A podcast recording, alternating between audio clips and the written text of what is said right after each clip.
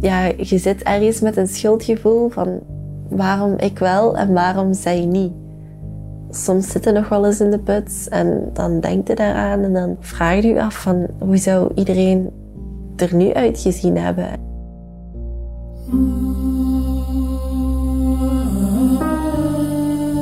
Ik probeer dan ook wel vaak te denken van op dit punt denk ik wel dat ze misschien blij voor mij zouden zijn of, of trots op mij zouden zijn.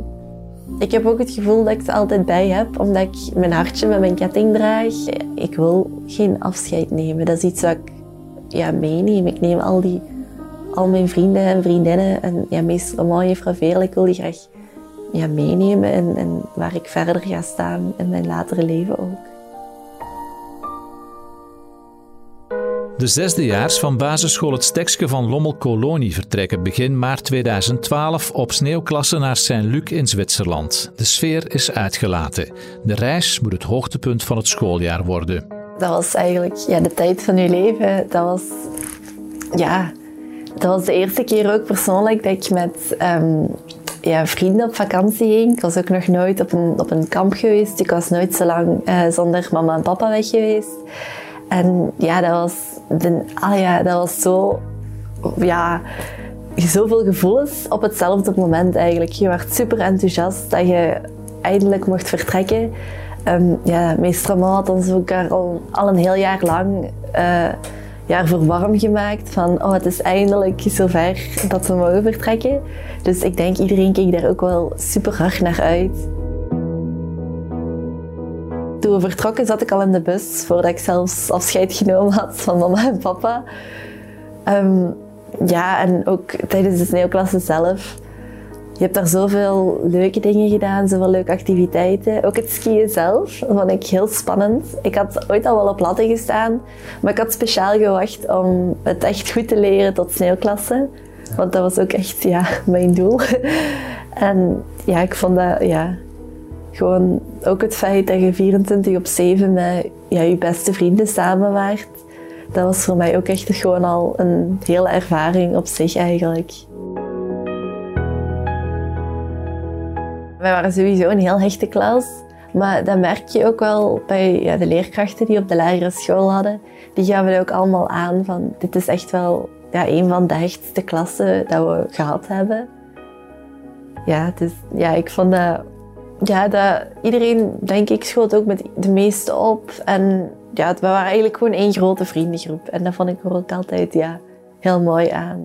Van het busongeval zelf herinnert Janne zich niets meer. We hebben ooit een gesprek gehad met de reddingswerkers die uh, mij uit de bus gehaald hebben. En die hebben ook toen tegen mij gezegd dat ik wakker was. Maar ik weet daar zelf totaal niks meer van. Dus waarschijnlijk is dan ja, de meest plausibele verklaring dat ik ook gewoon ja, die herinnering echt verdrongen heb. En ik heb ooit al moeite gedaan om ze terug te krijgen, maar ik denk niet dat dat ooit gaat gebeuren. Ik ben er ergens ook ja, wel blij mee dat ik er niks van weet. Ja, heel mijn gezicht was eigenlijk één korst en heel opgezwollen, omdat ik ja, eigenlijk alles in mijn gezicht gebroken had ja, mijn, schedel, oogkassen, neus, jukbeenderen. Alles wat je kunt breken, had ik gebroken. En ja, dus het, mijn gezicht had eigenlijk de ergste klap opgevangen. Want ja, het littekentje, nu zie je het niet meer super hard. Uh, maar ja, het gaat nog wel door tot in mijn haar. En ja, voor de rest mijn beide enkels gebroken. En dan ja, ook de organen die geraakt waren, zoals ja, een klaplong en mijn lever. Zo, ja. Maar die zijn dan, denk ik, na verloop van tijd een beetje ja, uit zichzelf hersteld. Janne wordt overgebracht naar het ziekenhuis van Sion. Ze beseft dan nog niet waar ze aan ontsnapt is. De eerste keer dat ik, dat ik wakker was, maar daar, ja, terzijde is misschien dan wel heel die periode in, in Zwitserland voor mij heel wazig. Omdat ik ook, ja, ik had een bloedklontertje achter mijn litteken. Dus ik was, ja, ze hielden mij voornamelijk in slaap. En ook met mijn hersenschudding was ik wel niet vaak wakker. Maar als ik dan zo af en toe eens mijn ogen opendeed, had ik zo wel een vraag van... Ja, wat is er gebeurd? Maar op dat punt was ja, mijn Frans ook niet goed genoeg om het effectief ja, te vragen van... Wat is er gebeurd? Maar ik dacht toen, ah ja, die bus is gewoon ah, tegen een paaltje gereden. Of ja, zo tegen zo'n lage borduur, zodat je... En ik, we liggen hier gewoon een beetje ja, zoals op medisch onderzoek ter controle. Ja, dat was toen heel onduidelijk. En pas vanaf het moment dat mama en papa bij mij gekomen zijn, heb ik dan gevraagd van ja, waar, zijn, eh, waar is iedereen? Want ik lag, allee, ik lag wel, ik lag met Bas op de kamer. Maar allee, ja, waar, waar is al de rest? En ja, je zag mama en papa toen ook zo wat denken van ja, wat, wat moeten we nu zeggen? Dus toen ja, hebben ze het dan uiteindelijk verteld wat er gebeurd was. En ja, ik, ik werd toen helemaal hysterisch. En toen hebben ze denk ik mij opnieuw in slaap gedaan.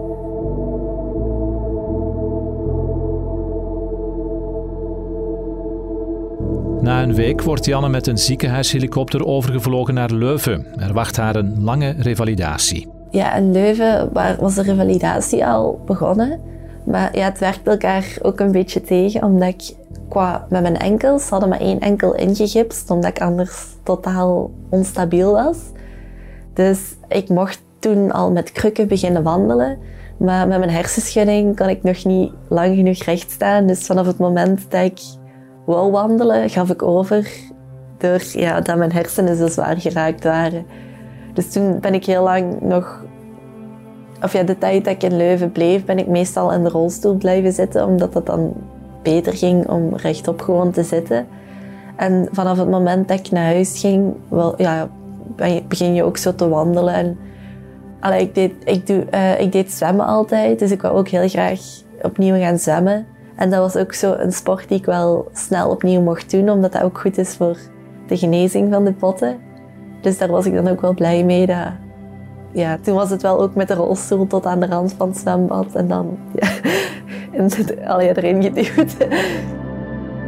Ik heb ook altijd dansen gedaan en ja, dat, vond ik, dat kon ik natuurlijk niet opnieuw direct doen. En dat vond ik ook heel moeilijk, omdat ik dat ook deed met de meeste meisjes van bij ons in de klas. En ja, de meeste waren, of ja, bijna iedereen was daarvan weg. Dus allee, dat vond ik een heel moeilijke om terug mee te beginnen. Maar uiteindelijk ben, heb ik dat toch terug opgestart met uh, vriendinnen die ik opnieuw in het middelbaar heb leren kennen. Janne maakt een nieuwe start in het middelbaar, al is het bij de schoolreizen niet evident om terug op een bus te stappen. Zeker in die eerste drie jaren van het middelbaar ja, vonden we het toch nog moeilijk om opnieuw die stap te maken. Zo, mijn beste vriendin Joelle en ik hadden wel zo voor onszelf de limiet gesteld. In het vijfde en zesde middelbaar komen de reizen naar Berlijn en Rome. Die willen we absoluut meedoen. Dus tegen die tijd moeten we het toch zeker geprobeerd hebben. Maar ja, tot, tot denk ik het vierde middelbaar hebben we dat toch wel echt nog een beetje afzijdig gehouden. En hebben, ja, toen is, al hadden we een beurtrol eigenlijk. En toen reed ofwel mijn papa ofwel de papa van Joelle dan ja, richting uh, de plek waar we op schoolreis gingen. En dat was dan, ja, dat kon van alles zijn. Maar ja, wij volgden dan met de auto met z'n tweeën. En ook op skivakantie naar Zwitserland duikt een obstakel op. Ik voelde me toen niet zo goed bij, bij tunnels.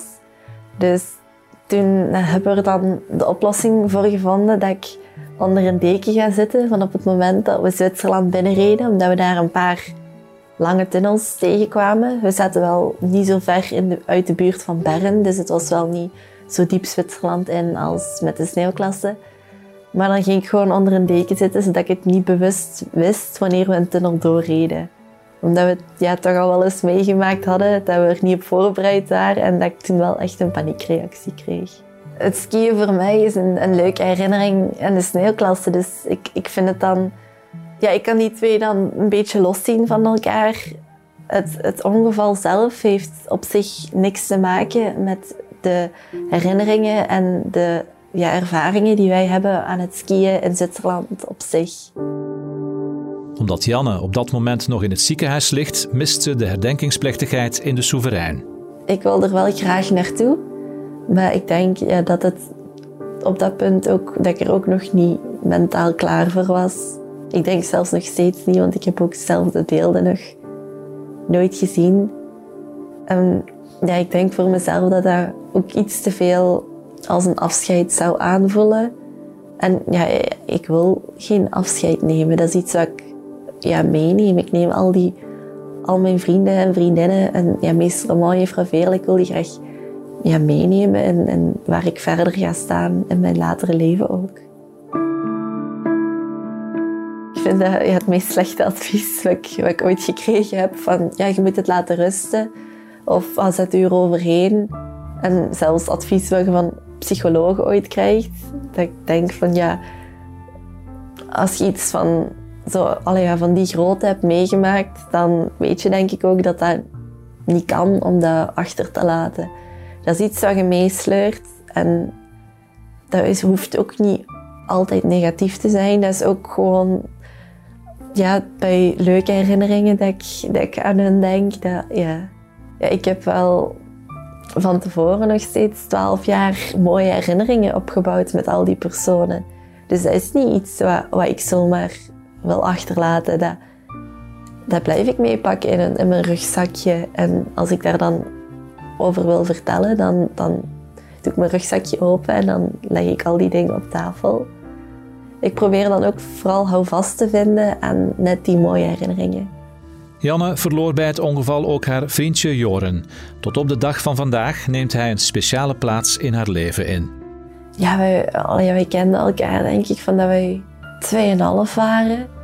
En um, zijn mama is ook een collega van mijn mama op de school van Stekske Dus um, ja, als zij vergadering hadden, wij waren altijd bij elkaar. Wij, wij spraken samen af. We gingen zwemmen, thuis spelen, allemaal leuke dingen doen. Want ah, we zitten hier op mijn kot, maar ja, hij hangt hier ook op op de foto's. Um, ja, ik vind dat ook heel belangrijk uh, dat hij erbij is. En ja, ook mijn, want ik heb mijn ketting altijd aan. En um, daar hangt ook een hartje aan. En dat is dan ook ja, symbolisch voor hem en voor ja, mijn beste vriendinnen en voor iedereen die ik ook toen verloren heb.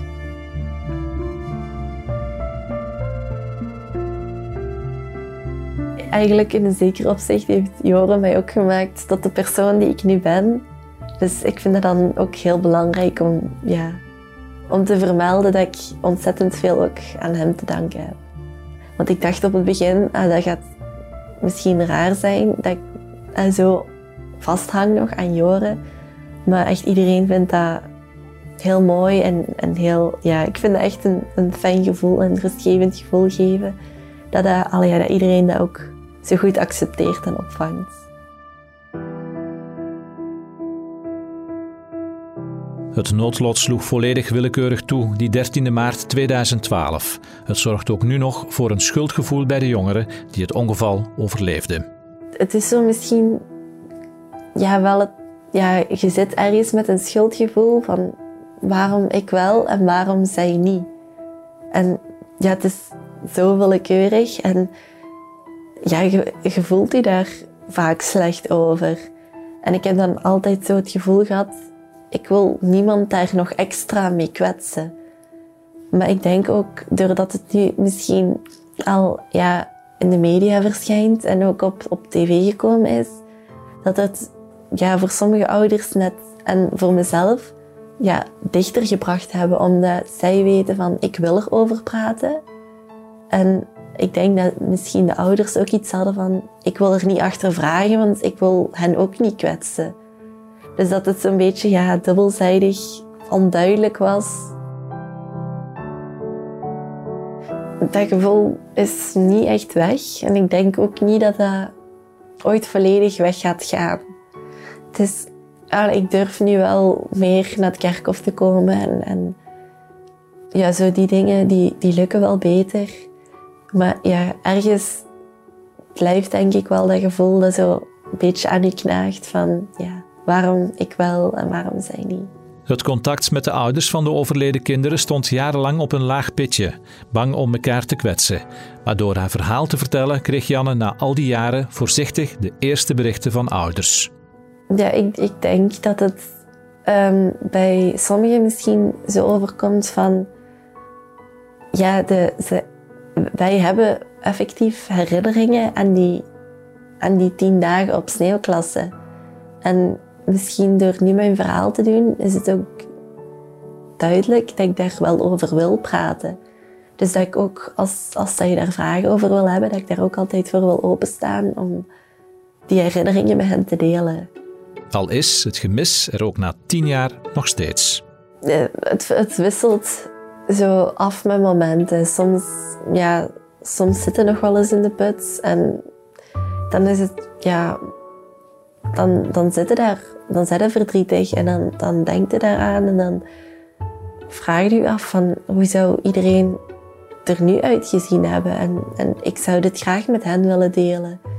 En ja, ik zou willen dat ze erbij waren. Maar dan, ik probeer me dan ook, ja, vooral vast te houden dan, zoals ik net gezegd heb, aan die, aan die mooie herinneringen. En ik probeer dan ook wel vaak te denken van, ja, ik denk wel, allee, op dit punt denk ik wel dat ze misschien blij voor mij zouden zijn. Of, of trots op mij zouden zijn. Ik heb ook het gevoel dat ik ze altijd bij heb, omdat ik mijn hartje met mijn ketting draag. En ik vind het ook fijn om, ja, want de foto staat hier ook, om daar een kaarsje bij aan te steken. Gewoon om ja, zoveel mogelijk nog het gevoel te hebben dat ze toch wel bij mij zijn, iedereen.